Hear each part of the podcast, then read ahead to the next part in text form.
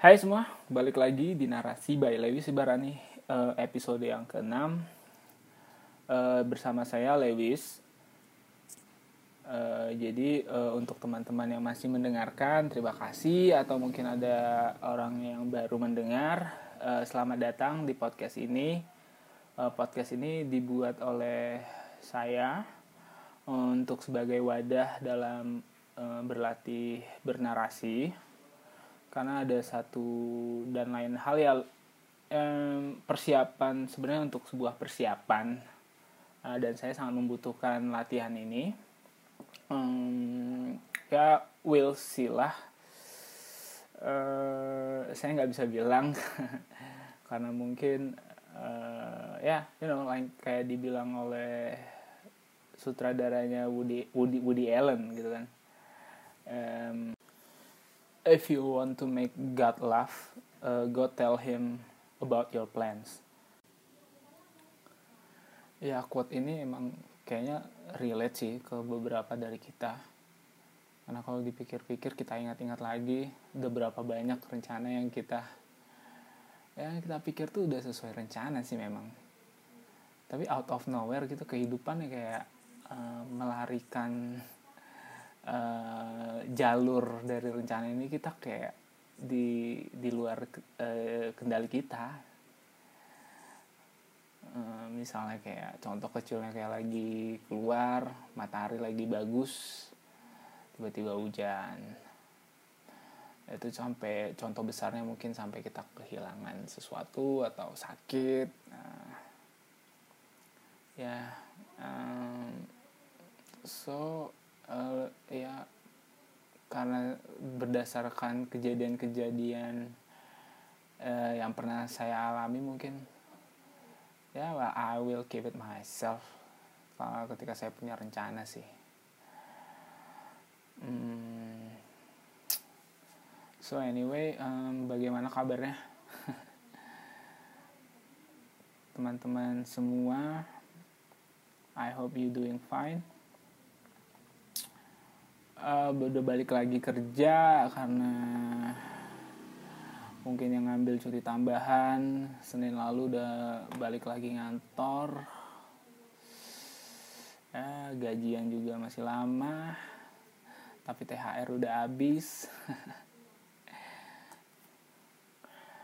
Um, saya kebetulan memang banyak uh, telat uh, dalam melakukan perekaman podcast ini karena Eh, beberapa minggu lalu saya terlibat di dalam sebuah proyek uh, diklat kepala kantor saya uh, itu mengerjakan sebuah aplikasi yang mem membantu para milenial untuk mendapatkan data statistik yang up to date.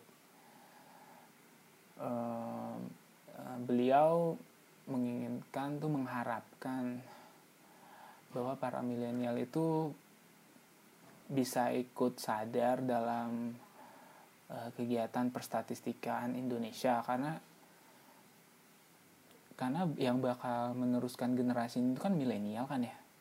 Dan uh, selanjutnya juga kegiatan perstatistikaan di Indonesia ini pasti udah nggak uh, mendata generasi-generasi X atau generasi boom yang pasti kita harus uh, mulai maju ke depan mulai memikirkan bagaimana cara caranya instansi saya itu bisa mendata generasi milenial bahkan generasi Y nantinya. Uh, itu merupakan memang sebuah tantangan sih karena beberapa karena menurut saya milenial itu juga agak susah dibaca polanya e, bercandaannya juga sangat aneh. Kebanyakan bahkan lebih merujuk kepada dark dark humor. Musiknya juga musik musik milenial uh, lebih ke you know like mengandalkan uh, beat beat yang low yang kayaknya lagu yang diputar untuk ketika lagi santai sore hari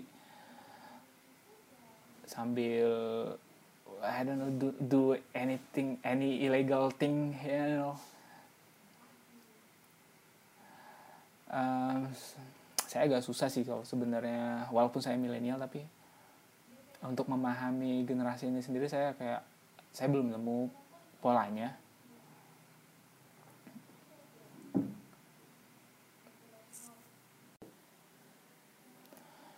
makanya untuk uh, untuk bisa meriletkan milenial kepada dunia statistik juga agak agak susah ya. Uh, milenial menurut saya lebih tertarik kepada hal-hal yang memiliki image atau gambar.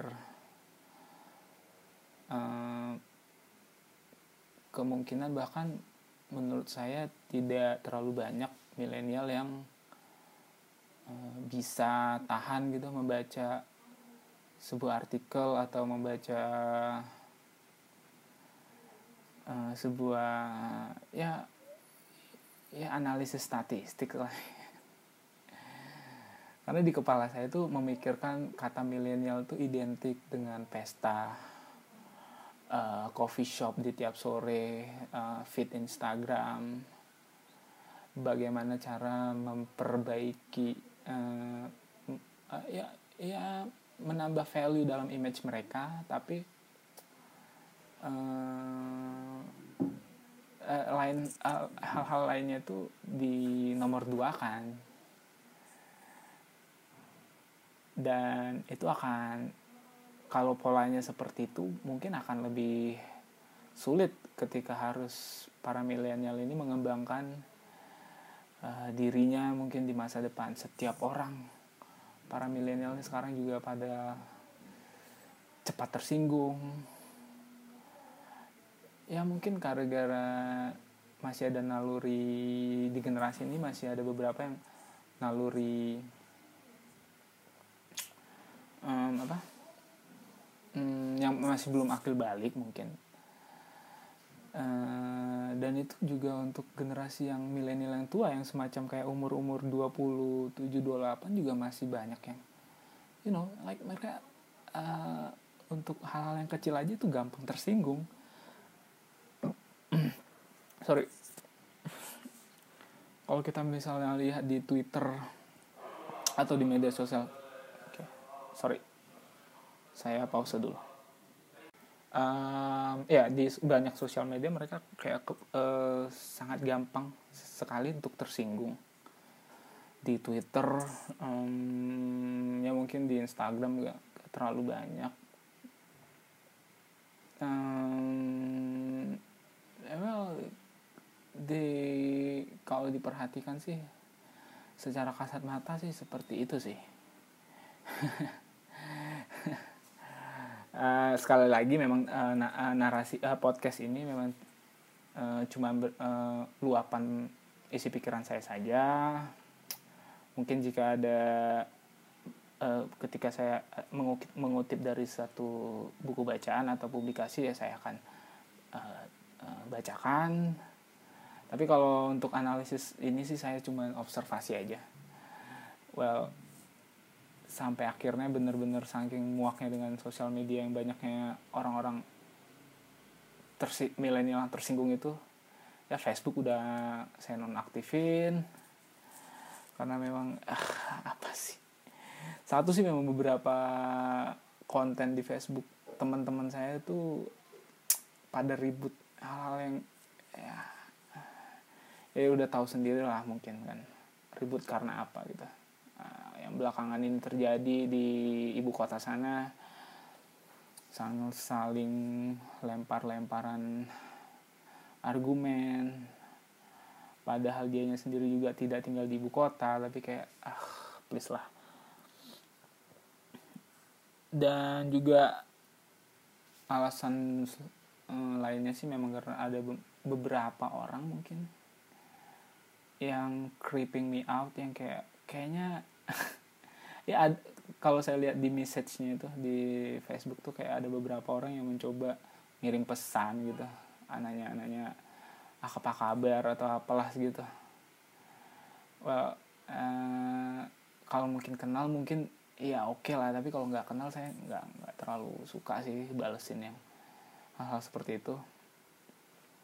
Um, oke. Okay. uh, mungkin seperti itulah gambaran milenial kita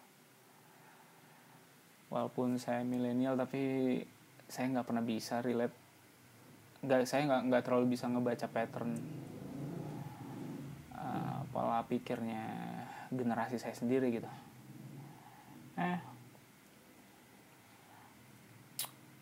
Hmm, belakangan ini saya uh, seperti yang saya bilang tadi terlalu sibuk mengerjakan uh, satu inovasi uh, aplikasi Android dari proyeknya kepala kantor saya.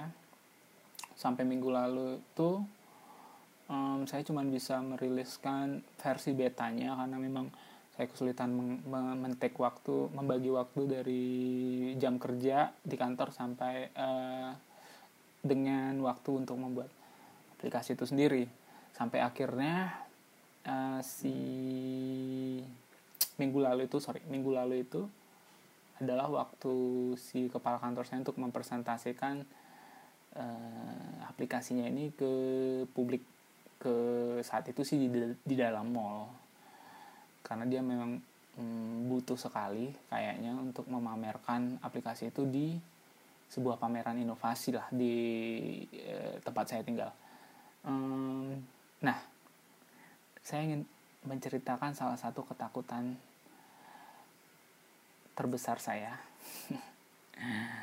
salah satu ketakutan terbesar saya, uh, saya lihat sendiri pada saat uh, kegiatan pemaparan kepala kantor saya itu.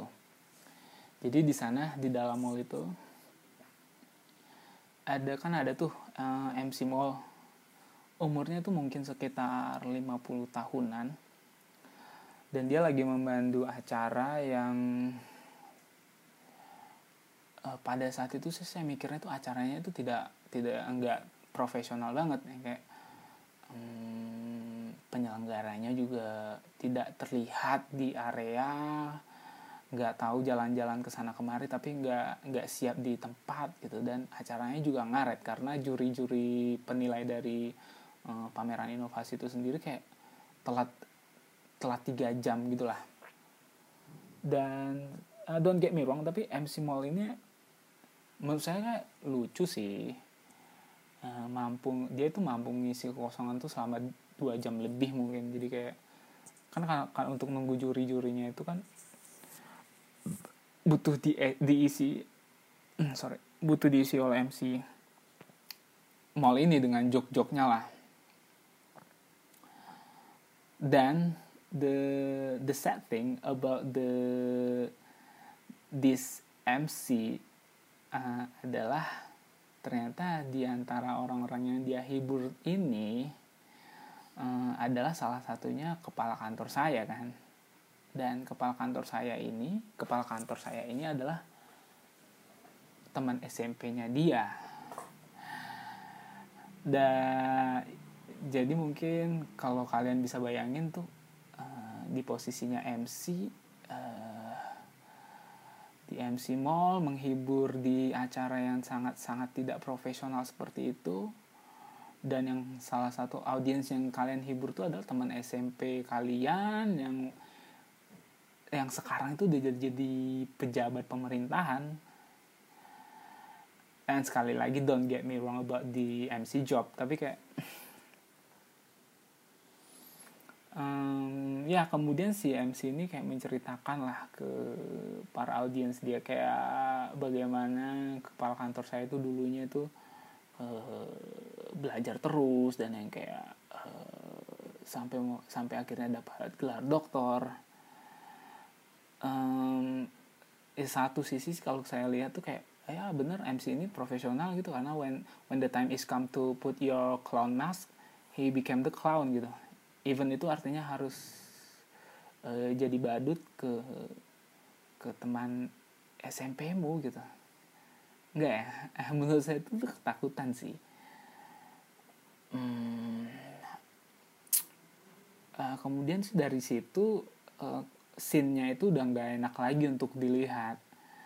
De karena uh, jadi scene-nya itu bener-bener kayak menurut saya sih tambah parah karena dia memanggil satu penonton random lah gitu kan. Kan biasa kan kayak salah satu teknik MC buat ngisi kekosongan.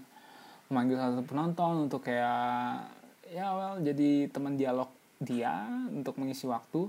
Dan yang dia panggil itu ternyata adalah salah satu teman saya uh, um, teman kantor saya sekaligus juga anak buah kepala kantor saya right? Hmm uh, dipanggil lah teman saya ini dimaju disuruh maju ke depan dan ditanyalah soal tentang pacar pacaran something like that. Um, nah yang paling yang paling uh, membuat scene ini tidak tidak enak untuk dilihat nih teman saya ini kayak nggak punya nggak tahu kayak kayak nggak punya common sense lah uh, karena dia malah di depan itu um, mainin si MC ini. Jadi kayak uh, ya, ya ya ya orang tuh tahu lah maksudnya kalau dipanggil MC itu kayak cuman buat ya bantu aja MC-nya buat ngisi kekosongan ya kalau ditanya ya dijawab. Tapi kayak teman saya ini kayak mainin si MC ini terus yang kayak ngejok ah saya nggak percaya sama ah saya nggak percaya sama bapak gitu gitu you know like teman saya ini kan umurnya sekitar 26 tahunan gitu ngomong uh, mainin MC yang udah umur 50 tahun gitu. So uh, in my head sih ini di pikiran saya itu scene uh, apa gambarannya itu tuh kayak kamu punya teman kamu punya teman yang ngebadutin acara ulang tahun anak kamu terus anak kamu ini malah nge-abuse clown ini badut ini gitu. Ya itu sih mungkin salah satu ketakutan terbesar saya. Uh, ketika harus ya menjadi badut badut lah di dalam satu ruangan menjadi objek objek lelucon dalam satu ruangan.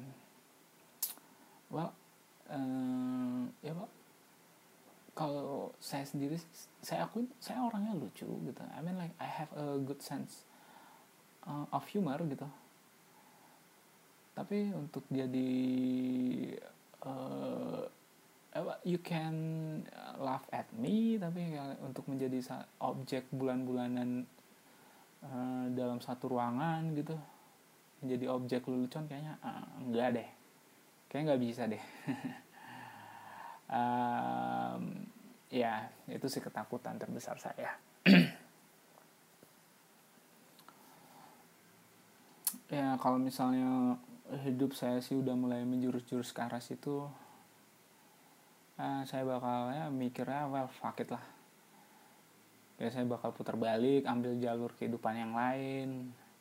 You know like kayak di Breaking Bad ada agen buat agensi yang buat uh, apa memalsukan identitas kita terus kayak menghilangkan data kita dari uh, dunia nyata dan menggantinya jadi kayak identitas baru. Hmm. well, recommended banget sih kalau untuk Breaking Bad. Mungkin kalian harus sekali coba nonton. Karena kalau di, di IMDb-nya juga uh, dia kayak masuk 5 TV series uh, teratas ratingnya. So uh, anyway ngomongin soal teman-teman SD teman SMP uh, saya sendiri untuk teman SD uh, udah nggak terlalu banyak kenal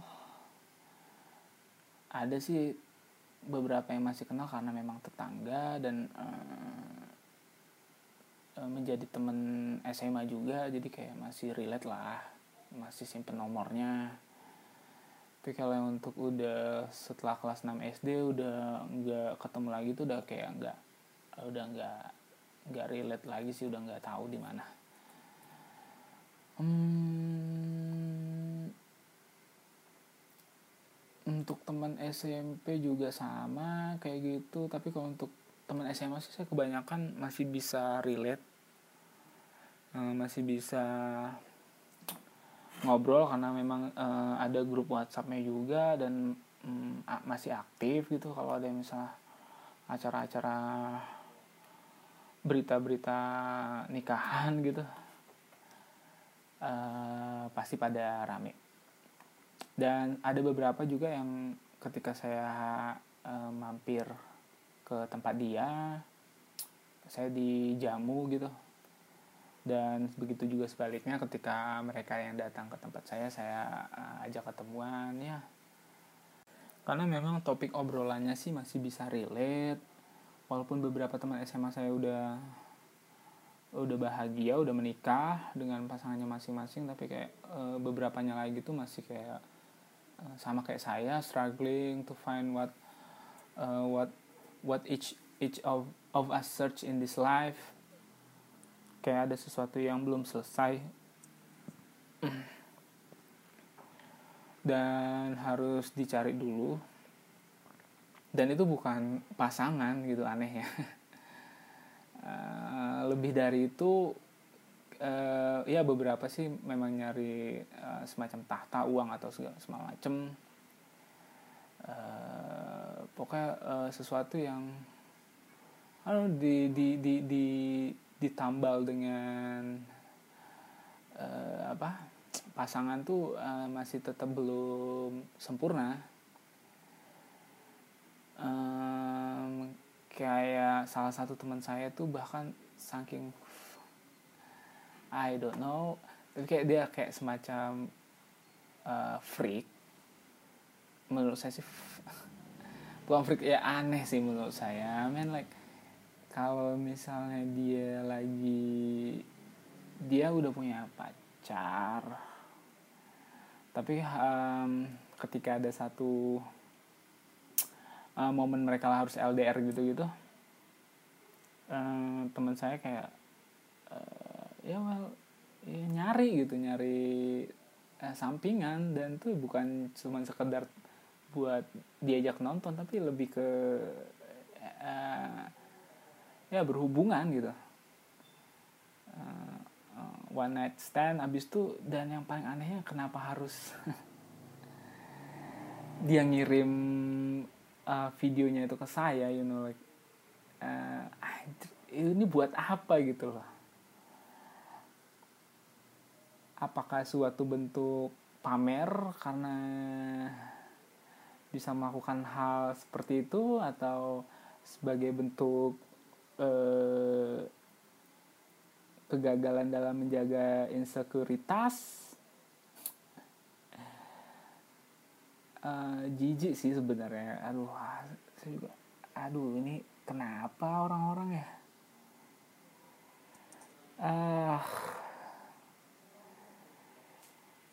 uh, dan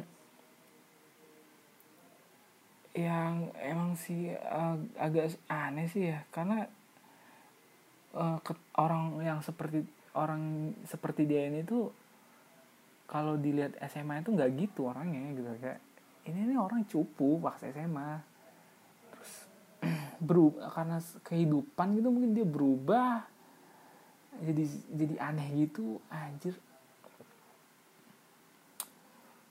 um, ya itu buat teman-teman sih bisa bayangkan ada orang yang kayak gitu ada. So if you have a, a great relationship with your partner gitu ya udahlah. Emang udah pas udah cocok udah langsung aja nikah gitu. Karena kehidupan orang-orang yang belum nikah ini ya kayak gini banyak hal-hal aneh yang bakal bakal kita temui gitu. Especially when you're uh, being single at 25 mungkin saya juga sebenarnya paham sih kenapa hal itu hal-hal aneh ini kayak bisa terjadi di kehidupan seseorang. Uh, mungkin uh, satu rasa penasaran mungkin satunya juga faktornya adalah untuk uh, apa menjaga insekuritasnya dia terhadap dirinya. Uh, artinya dia tidak mau di uh, dicap sebagai orang yang uh, apa cupu. Jadi dia kayak ah yang penting uh, uh, ah saya udah pernah nih gitu kan. Uh, padahal menurut saya juga ya udah nggak usah nggak jangan takut gitu hmm, nggak nggak ada yang perlu ditunjukin gitu loh. Maksudnya itu kayak sama halnya ketika kita ini gak sih lagi jalan gitu di tengah keramaian kita tuh takut diliatin orang uh, jadinya kita kayak salah tingkah sendiri. Nah, terus terus uh, uh, saking kita salah tingkah sendiri kita kayak uh, melakukan hal yang ternyata tuh hal yang uh, uh, gimana bilangnya ya, yang bodoh gitu. Padahal kan nggak ada yang memperhatikan kita di teng di tengah keramaian itu. Orang-orang juga pada sibuk dengan kehidupannya sendiri.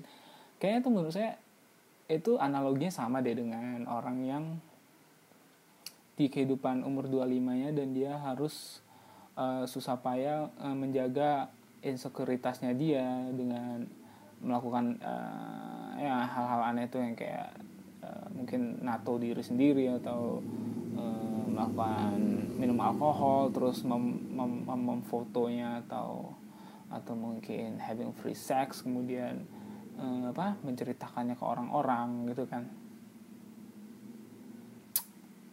Padahal tuh gak ada yang peduli dan itu topik yang uh, mereka tawarkan itu juga tidak bukan topik yang yang apa sih istilahnya um, yang enak dibahas lah atau uh, orang tuh nggak ada yang mau tahu gitu kehidupan uh, cerita cerita cerita labil seperti itu gitu. Mungkin yang yang orang-orang tuh pengen kan denger tuh tentang apa yang lo sukain gitu apa yang menjadi keresahanmu gitu. Terus uh, mungkin uh, petualangan apa yang uh, apa? Yang yang yang yang yang uh, yang yang yang terjadi di dalam hidupmu selama mungkin uh, di masa-masa uh, mudamu ini gitulah. Tapi kalau misalnya out of nowhere gitu ngangkat topik obrolannya um, tentang hal-hal sorry tentang hal-hal yang hal-hal yang menjaga insekuritas tuh kayak uh, kayaknya enggak deh gitu kan padahal tuh banyak topik obrolan gitu kan atau topik uh, bahasan yang yang yang yang yang, yang yang uh, bisa di, di, di dipakai gitu.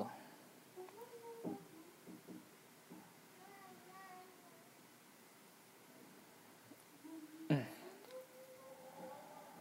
Oke, okay. Um, untuk podcast kali ini mungkin sampai sini dulu narasinya. Um, sebagai penutup mungkin saya uh, cuma ingin merekomendasikan satu buah uh, apa buku agak susah sih nyari bukunya karena uh, kayaknya harus pesan di Amazon atau atau toko online apa seperti itulah uh, jadi ada satu buku uh, judulnya Pimp uh, by Iceberg Slim tentang seorang mucikari di era tahun 1960-an di Amerika.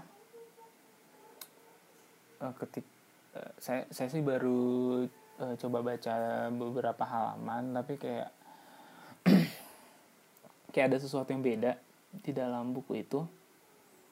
Karena ini diangk eh, yang meng, yang meng, yang membuat novel ini sendiri itu adalah seorang yang mucikari itu yang dia yang yang dia ceritakan uh, di dalam novel itu ya, ya dia sendiri yang menulis tentang dirinya gitu.